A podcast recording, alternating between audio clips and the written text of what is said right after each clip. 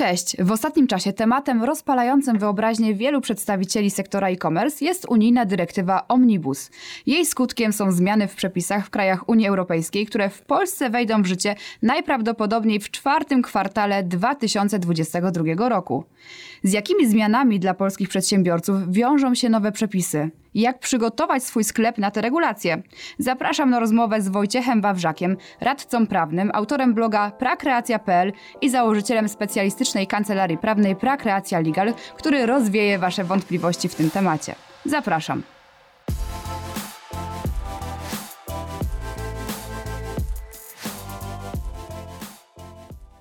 Cześć Wojciech. Cześć, dzień dobry. E, muszę Ci powiedzieć, że to jest taki pierwszy odcinek, który nagrywamy bez obrazu. E, dotychczas każdy TPay podcast miał wideo, ale uważam, że temat jest jakby na tyle ciekawy i ważny z perspektywy przedsiębiorców, że nieistotna forma, a najważniejszy jest tutaj przekaz. E, tak by the way, stres mam wrażenie, że o 10 razy mniejszy bez tych naszych kamer. Bardzo miło mi Cię gościć. A ja dziękuję za zaproszenie. Zacznijmy sobie już od konkretu.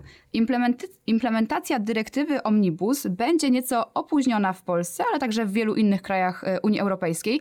Niemniej jednak jej wejście w życie jest nieuniknione. Nowe przepisy dotykają takich aspektów związanych e, z działalnością e-commerce'ów. Powiedz mi, jakie według Ciebie są najistotniejsze obszary dyrektywy, patrząc właśnie z perspektywy właścicieli e-commerce? Zanim o tych najważniejszych zmianach, to jeszcze chwilkę wprowadzenia, dlatego że my ukuliśmy do hasło omnibus mhm. dla tych wszystkich naszych zmian, ale tak naprawdę mm, to są trzy dyrektywy, które my cały czas nie mamy wdrożone. Dyrektywa towarowa, dyrektywa cyfrowa i ten właśnie omnibus. I co ciekawsze, dwie dyrektywy powinny zostać wdrożone do 1 stycznia tego roku, a mhm. omnibus do 28 maja, więc tak naprawdę jesteśmy spóźnieni z trzema. Natomiast jak gdyby w toku dalszej naszej rozmowy nie będziemy już rozbijać, która regulacja w której dyrektywie mm, się znajduje, bo to dla odbiorcy końcowego i dla właściciela e-commerce'u nie ma większego znaczenia. Po prostu zbiorczo powiemy sobie o tych wszystkich zmianach, jakie nas czekają, a czekają nas one zbiorczo, dlatego że nasz ustawodawca akurat równolegle proceduje te prace sejmowe nad y, przepisami wdrażającymi wszystkie te trzy dyrektywy. Stąd też trochę zamieszania, bo tak naprawdę mamy dwa równolegle toczące się procesy legislacyjne. Mamy dwa projekty ustaw nowelizujących, no ale to już tak naprawdę dla tych najbardziej zaawansowanych i dociekliwych, y, bo my skupimy się po prostu na tych zmianach. No jeżeli chodzi o te najważniejsze zmiany, to ja bym powiedział, że one koncentrują się w takich pięciu bądź sześciu obszarach. Pierwszy obszar to są obowiązki informacyjne, czyli to, co przedsiębiorca prowadzący sprzedaż online powinien temu swojemu klientowi przedstawić, czy to na stronie, czy to w regulaminie, czy to w polityce prywatności, czy to w jakimkolwiek innym miejscu dostępnym dla tego kupującego. Następny obszar zmian mm, to są zmiany związane z rękojmią, czyli z odpowiedzialnością za ewentualnie wadliwy towar. Mamy też taki blok regulacji poświęconych nowej walucie. Może niekoniecznie nowej, bo my już się przyzwyczailiśmy w internecie, że za bardzo wiele świadczeń płacimy swoimi danymi osobowymi, a niekoniecznie pieniędzmi, ale po raz pierwszy w regulacji naszej ustawowej znajdzie się wprost odwołanie do tego, że w przypadku, gdy ktoś podaje nam na przykład za zapis do newslettera, za otrzymanie jakiegoś freebie swój adres e-mail, no to to również znajduje zastosowanie ustawy o prawach konsumenta, bo to również jest umowa, tylko że nie opłacana pieniędzmi, a danymi osobowymi. Inny taki blok to z kolei treści i usługi cyfrowe. I o ile do tej pory w naszej ustawie znajdowały się wzmianki o treściach cyfrowych, tak nie było żadnych wzmianek o usługach cyfrowych. Teraz doczekamy się całego bloku regulacji poświęconego i treściom, i usługom cyfrowym. No i mamy jeszcze kwestię obniżek cen, mm, taką bardzo newralgiczną, o której porozmawiamy sobie później. Zresztą o wszystkich tych obszarach, które ja wskazałem, pewnie będziesz chciał coś dopytać więcej, więc na razie tylko w charakterze wprowadzenia je wymieniam. Mhm. Oprócz tych obniżek cen jeszcze internetowe platformy handlowe, czyli wszystkiego rodzaju marketplace, które skupiają więcej niż jednego sprzedawcę. Mm, no i w zasadzie myślę, że to są takie obszary najważniejsze, o których warto porozmawiać w kontekście e-commerce'u. No i teraz jak gdyby od ciebie zależy, od czego zaczniemy mhm. bardziej szczegółowo. Tak, no tych zmian jest rzeczywiście bardzo dużo. E, wydaje mi się, że jedną z takich e, ciekawych zmian jest e, kwestia rękojmi. Czy możesz mi trochę więcej powiedzieć na ten temat? Jasne, jasne. Mm, z rękojmią jest ten problem, bądź nie ma problemu, że jak gdyby jesteśmy przyzwyczajeni do tego, że ona funkcjonuje. Czyli mhm. to jest coś, co już było do tej pory. Każdy sprzedawca ponosił odpowiedzialność za wadę produktu. Jeżeli produkt był wadliwy, to konsumentowi przysługiwały określone mm, roszczenia. Jakie zmiany nas czekają w tym zakresie? Bo jak gdyby nie zmieniamy samej idei rękojmi, czyli utrzymujemy tę odpowiedzialność sprzedawcy, ale wprowadzamy pewne modyfikacje. Taką formalną modyfikacją jest to, że te przepisy o rękojmi, które do tej pory były w kodeksie cywilnym, one nadal tam zostają, ale jeżeli chodzi o rękojmie w relacjach z konsumentami i z przedsiębiorcami na prawach konsumenta, będziemy mieli odrębną regulację w ustawie o prawach konsumenta. W związku z tym, jeżeli będziemy sprzedawcą, mm, który sprzedaje zarówno B2B, mm, jak i konsumentom i przedsiębiorcom na prawach konsumenta, mm, to będziemy mieli taki dualizm regulacyjny. Będziemy mieli inne zasady znajdujące zastosowanie do tych transakcji typowych B2B, a inne zasady znajdujące zastosowanie do sprzedaży na rzecz konsumentów i tych przedsiębiorców na prawach konsumenta. W tych planowanych mhm. zmianach mamy również wątek e, związany z terminami, w jakich można dochodzić roszczeń do sprzedawcy, i to jest pewien problem, na który zwrócił, zwrócono uwagę już w trakcie konsultacji projektu tej nowelizacji. Mianowicie do tej pory mieliśmy termin przedawnienia dwuletni, jeżeli chodzi o te roszczenia. Teraz w wyniku tego brzmienia przepisów należałoby wnioskować, że będziemy wracali do ogólnych zasad. Ogólnych zasad przedawnienia z kodeksu cywilnego, co by oznaczało, że roszczenie przedawnia się konsumenta po upływie 6 lat. I mhm. W ramach konsultacji społecznych mamy podniesiony ten wątek, czy to nie jest zbyt daleko, bo może się okazać w takich ekstremalnych sytuacjach, że sprzedawca mógłby być skonfrontowany z jakimiś roszczeniami konsumenta, na przykład nawet po 7-8 latach od chwili wydania rzeczy co wydaje się dość absurdalne, no bo w jaki sposób po takim czasie w ogóle ocenić i odwołać się do czegoś. Mhm. Dlatego na etapie konsultacji społecznych proponowane jest, żeby ograniczyć tą możliwość występowania z roszczeniami do 12 miesięcy bodajże czyli istnieje jeszcze, wady. Czyli istnieje jeszcze możliwość tutaj tej zmiany, także to niekoniecznie będzie 6 lat. Tak, i to jest w ogóle kluczowa informacja, jaki disclaimer do całej naszej rozmowy, mhm. że my jesteśmy w tej chwili w tej niewdzięcznej sytuacji, w której mamy okres wakacyjny, kończący się w zasadzie. No, tak naprawdę to jesteśmy po wakacjach, bo wrzesień. E, zależy dla kogo oczywiście, mhm. bo przedsiębiorcy nigdy nie mają wakacji, studenci mają miesiąc dłużej, e, uczniowie krócej, no nieważne. Mm, w każdym razie jesteśmy na takim etapie, gdzie prace sejmowe trwają. Mm, czyli mamy projekt ustawy, który sobie trafi do Sejmu, no i Sejm będzie nad nim debatował. Mm, w toku prac ustawodawczych mamy też konsultacje i w ramach tych konsultacji różne podmioty mogą zgłaszać swoje uwagi. Więc tak naprawdę my rozmawiamy w tej chwili o projektach tych ustaw, jakie możemy przeczytać na stronach sejmowych, natomiast nie mamy pewności, w jakim ostatecznym brzmieniu mm, będą te przepisy. Trzeba mieć to na uwadze, no, rozmyślając o tym temacie, ale też nie w ten sposób, żeby odsuwać go od siebie, bo wiem, że część sprzedawców internetowych prezentuje takie podejście, że skoro jeszcze nie ma aktu prawnego, to w ogóle dajmy sobie spokój z rozmową na ten temat w tej chwili. Mhm. Problem jest taki, że my jesteśmy spóźnieni z implementacją tej dyrektywy i w projekcie mm, przepisów mamy bardzo krótki termin na dostosowanie się przez przedsiębiorców do tych nowych przepisów.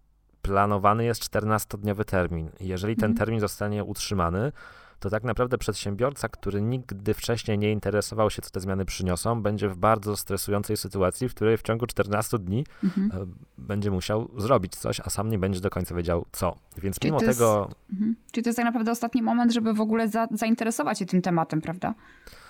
Myślę, że tak, że to jest ten moment, ten właściwy, żeby uzmysłowić sobie, co będzie wymagało mojej uwagi, przygotować się jakoś na to, bo wiadomo, że część zmian, o czym jeszcze sobie powiemy, nie będzie miała jakichś wielkich konsekwencji, będzie się wiązała na przykład tylko z zmianą jakiegoś paragrafu w regulaminie, ale niestety dla niektórych przedsiębiorców część zmian będzie wymagało dalej idących prac, na przykład przeformatowania procesu zapisu na bezpłatne materiały w zamian za podanie maila, ale mhm. o tym mhm. jeszcze pewnie e, za chwilkę. Tak, skupmy się może na internetowych platformach handlowych, bo to jest też jedna z tych rzeczy, które wymieniłeś przed chwilą e, odnośnie zmian, które tam nastąpią. Jaki jest tutaj cel tych regulacji i co to przyniesie dla e-commerce'ów? Przede wszystkim wprowadzana jest definicja i internetowej platformy handlowej, i dostawcy internetowej platformy handlowej, ale żeby nie bawić się w takie meandrowanie po definicjach prawnych, to może po prostu powiedzmy sobie, że chodzi tutaj o wszelkiego rodzaju miejsca, które skupiają wielu sprzedawców. Takie mhm, typowe czyli marketplace. Takie typowe marketplace, tak. Mhm. Myślę, że na potrzeby naszego spotkania i, i tych odbiorców, którzy mogą e, słuchać naszego podcastu, to pojęcie marketplace będzie najbardziej zrozumiałe. No jeżeli mamy ten marketplace, to ten marketplace musimy uznać właśnie za tą internetową platformę handlową. I tutaj jak gdyby ustawodawca dostrzega, że jest pewien problem mm, z przejrzystością działania tych platform. Zresztą my te problemy w naszej kancelarii Prakreacja Legal też widzimy na co dzień, bo widzimy takie pokusy wśród właścicieli tych platform, żeby trochę nie do końca precyzyjnie informować, co robi platforma, że ona mhm. jest pośrednikiem między konsumentem a sprzedawcą, z kim zawierana jest umowa sprzedaży, do kogo można kierować roszczenia, gdyby towar był wadliwy. Te wszystkie regulacje, które teraz mają wejść w życie, one mają na celu to właśnie um, ujarzmić, czyli mają narzucić tym internetowym platformom to, żeby one jasno komunikowały, że słuchaj konsumencie, my jesteśmy tylko dostawcą platformy, my ci nic nie sprzedajemy, my ci zapewniamy możliwość zakupu czegoś od kogoś, kto się na naszej, na naszej platformie wystawia. Kluczowe dla konsumentów jest też to, żeby oni wiedzieli, czy za pośrednictwem jakiej platformy zawrą umowę z przedsiębiorcą, czy z mhm. inną osobą prywatną. Bo bardzo często bywa tak, że konsument kupuje coś na takiej platformie, i okazuje się, że on nie kupił od przedsiębiorcy, od firmy, tylko kupił od innej osoby prywatnej, która sprzedaje coś po prostu prywatnie, a wtedy mu te wszystkie uprawnienia konsumenckie nie przysługują. Mhm. I teraz platformy mają obowiązek pokazać konsumentowi, że w tej transakcji zawierasz umowę nie z przedsiębiorcą, w związku z tym pamiętaj, że nie będziesz mieć tych uprawnień konsumenckich, na przykład prawa do odstąpienia od umowy. I często mhm. takim problemem też przy tych platformach jest to, że one zarabiają na pokazywaniu tych produktów i w swoich modelach biznesowych bardzo często jest tak, że można wykupić u nich różne pakiety, które pozwalają na pozycjonowanie tych ofert wyżej, w sposób wyróżniony. I to też nie zawsze jest transparentne dla konsumenta. I te regulacje mają sprawić, żeby dostawcy tych platform internetowych w sposób jasny komunikowali, dlaczego te, a nie inne oferty znalazły się w tym miejscu, jeżeli nie znalazły się w sposób jak gdyby z jakąś, jakąś regułą taką sortowania, filtrowania, tylko dlatego, że ktoś za to zapłacił. Mm, I generalnie chodzi właśnie o to, żeby tą relację konsument, platforma internetowa mhm. trochę uczynić bardziej przejrzystą. Tylko ciekawostka jest tutaj taka, że tak naprawdę bez tych regulacji my naszym klientom i tak zawsze doradzaliśmy, żeby w ten sposób te platformy handlowe Mm, ogarniali, bo można było to wyinterpretować z innych przepisów. Można było mówić, że platforma wprowadza w błąd konsumenta. Więc jak gdyby ta regulacja nie jest jakimś wielkim nowum, bo ten, kto by chciał robić uczciwie internetową platformę handlową, to i tak na gruncie dotychczasowych przepisów powinien w większości tego się stosować. Natomiast fajne jest to, że nie będzie już teraz gdybania, tylko będą po prostu pokazane konkretne zasady, jakie każda ta internetowa platforma handlowa musi wdrożyć w trosce o interes tego konsumenta. Mhm, rozumiem. To dotyczy, dotyczy, typowo marketplace'ów. A powiedz mi w przypadku e-commerce'ów, e, czy tutaj ten e, obowiązek informowania też w jakiś sposób e, wpływa na działanie tych e-sklepów? Jeżeli chodzi o ten obowiązek informacyjny, to ja bym zwrócił uwagę na dwa ważne elementy, które pojawiają się w tej sferze. Pierwszy, taki moim zdaniem bardzo kontrowersyjny i dla mnie zbędny i nadmiarowy, mhm. to jest zaproponowanie, żeby każdy sprzedawca internetowy podawał zarówno adres e-mail, jak i swój numer telefonu, żeby zapewnić możliwie szybki kontakt konsumentowi z nim. Obecnie jest tak, że można podać tylko adres e-mail, więc wszyscy na przykład sprzedawcy typu administratorzy jakichś platform kursowych, sprzedawcy jakichś treści cyfrowych, którzy są po prostu jednoosobowym takim sprzedawcą, bo to jest wszystko oparte o markę osobistą, podawali tylko adres e-mail. Nie chcieli podawać numeru telefonu po to, żeby o 22 ktoś na przykład do nich się nie dobijał.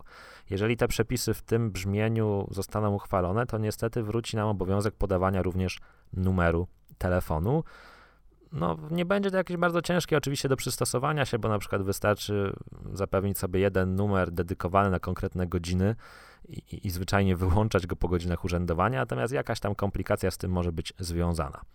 Natomiast druga kwestia w ramach tego obowiązku informacyjnego to jest kwestia mm, związana z takim dopasowywaniem ceny na podstawie profilowania użytkownika. Mhm.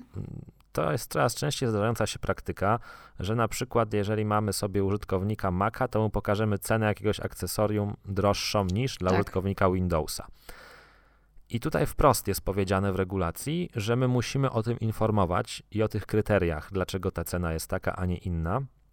Czyli Ale ta cena, znowu, rozumiem, nadal będzie mogła być wyższa, tylko po prostu trzeba będzie o tym poinformować, tak?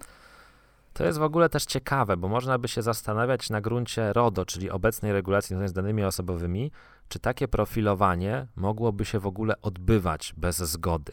Mhm. Mm, natomiast już być może nie wchodźmy w te tematy, mm, bo, bo, bo zabrniemy.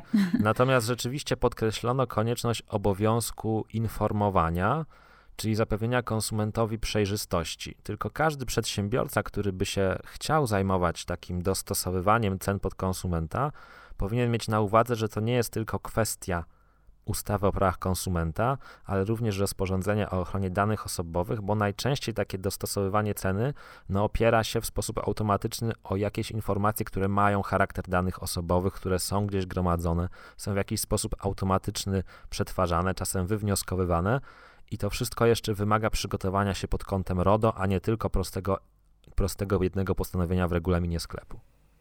Mhm. A powiedz mi, czy te nowe przepisy mm, oznaczają także w jakiś sposób koniec fałszywych opinii w internecie? Czy będzie miało to wpływ?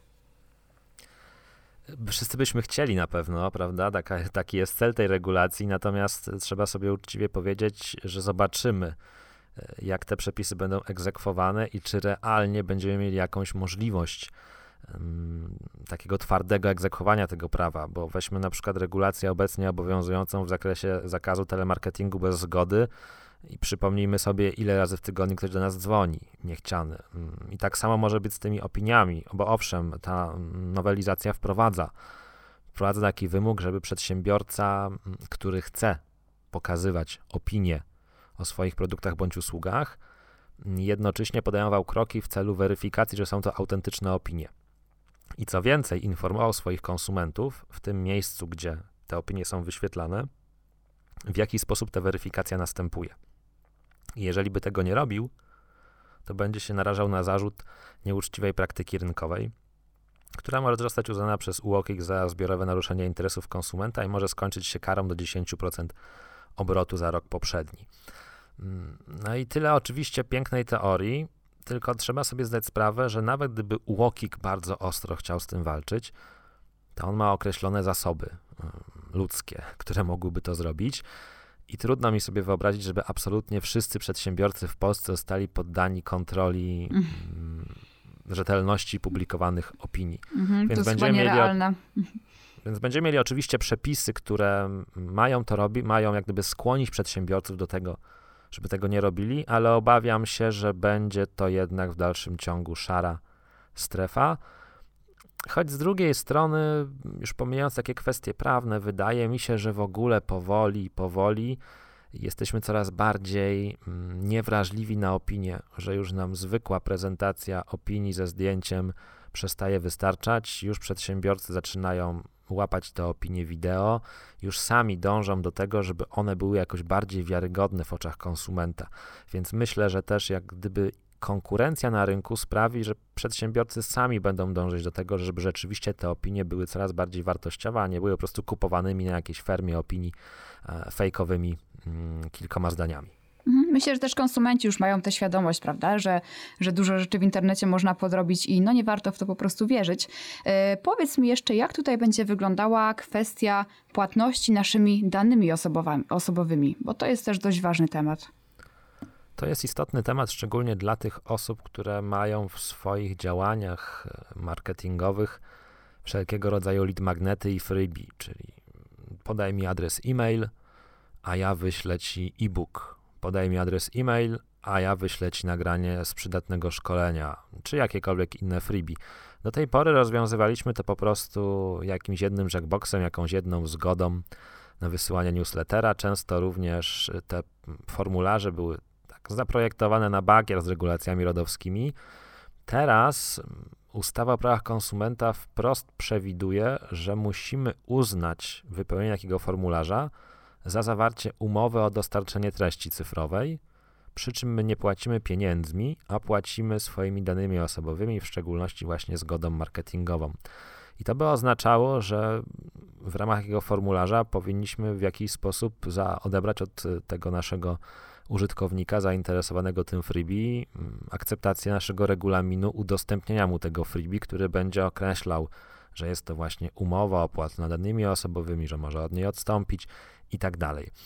I teraz znowu przepisy fajne, przepisy służące dobremu celowi, no ale znowu pytanie o ich realne egzekwowanie, bo jeżeli my sobie nie poradziliśmy z egzekwowaniem mm, przepisów rodowskich w zakresie wymuszania różnych zgód marketingowych i nadal bardzo wiele podmiotów w najróżniejszych formularzach na najróżniejsze sposoby wymusza te nasze zgody marketingowe, to, pyta to pytanie, czy wtłoczenie tej regulacji do ustawy o prawach konsumenta realnie przyczyni się do tego, że te praktyki się zmienią. Natomiast faktycznie każdy sprzedawca, który chciałby mm, działać zgodnie z prawem, będzie musiał ten swój swoją procedurę generowania lidów w ten sposób e, przeformatować pod kątem wymagań z ustawy o prawach konsumenta. Dobrze, powiedz mi, jak na tym tle ma się kwestia y, wyprzedaży na przykład? Czy tutaj coś się zmieni w tym aspekcie? To jest jak gdyby ruch ustawodawcy mm, po to, żeby storpedować te nasze typowo polskie januszostwo marketingowe, jak ja to lubię mówić, czyli najpierw podnosimy cenę, a potem ją obniżamy, po obniżce jest wyższa niż była przed, e, bądź taka sama. Mamy teraz regulację, która wprowadza obowiązek, żeby każdy przedsiębiorca, który informuje, no, obniża cenę, informował o tym w taki sposób, żeby konsument miał dostęp do informacji o najniższej cenie, jaka obowiązywała w okresie 30 dni przed wprowadzeniem obniżki. Ma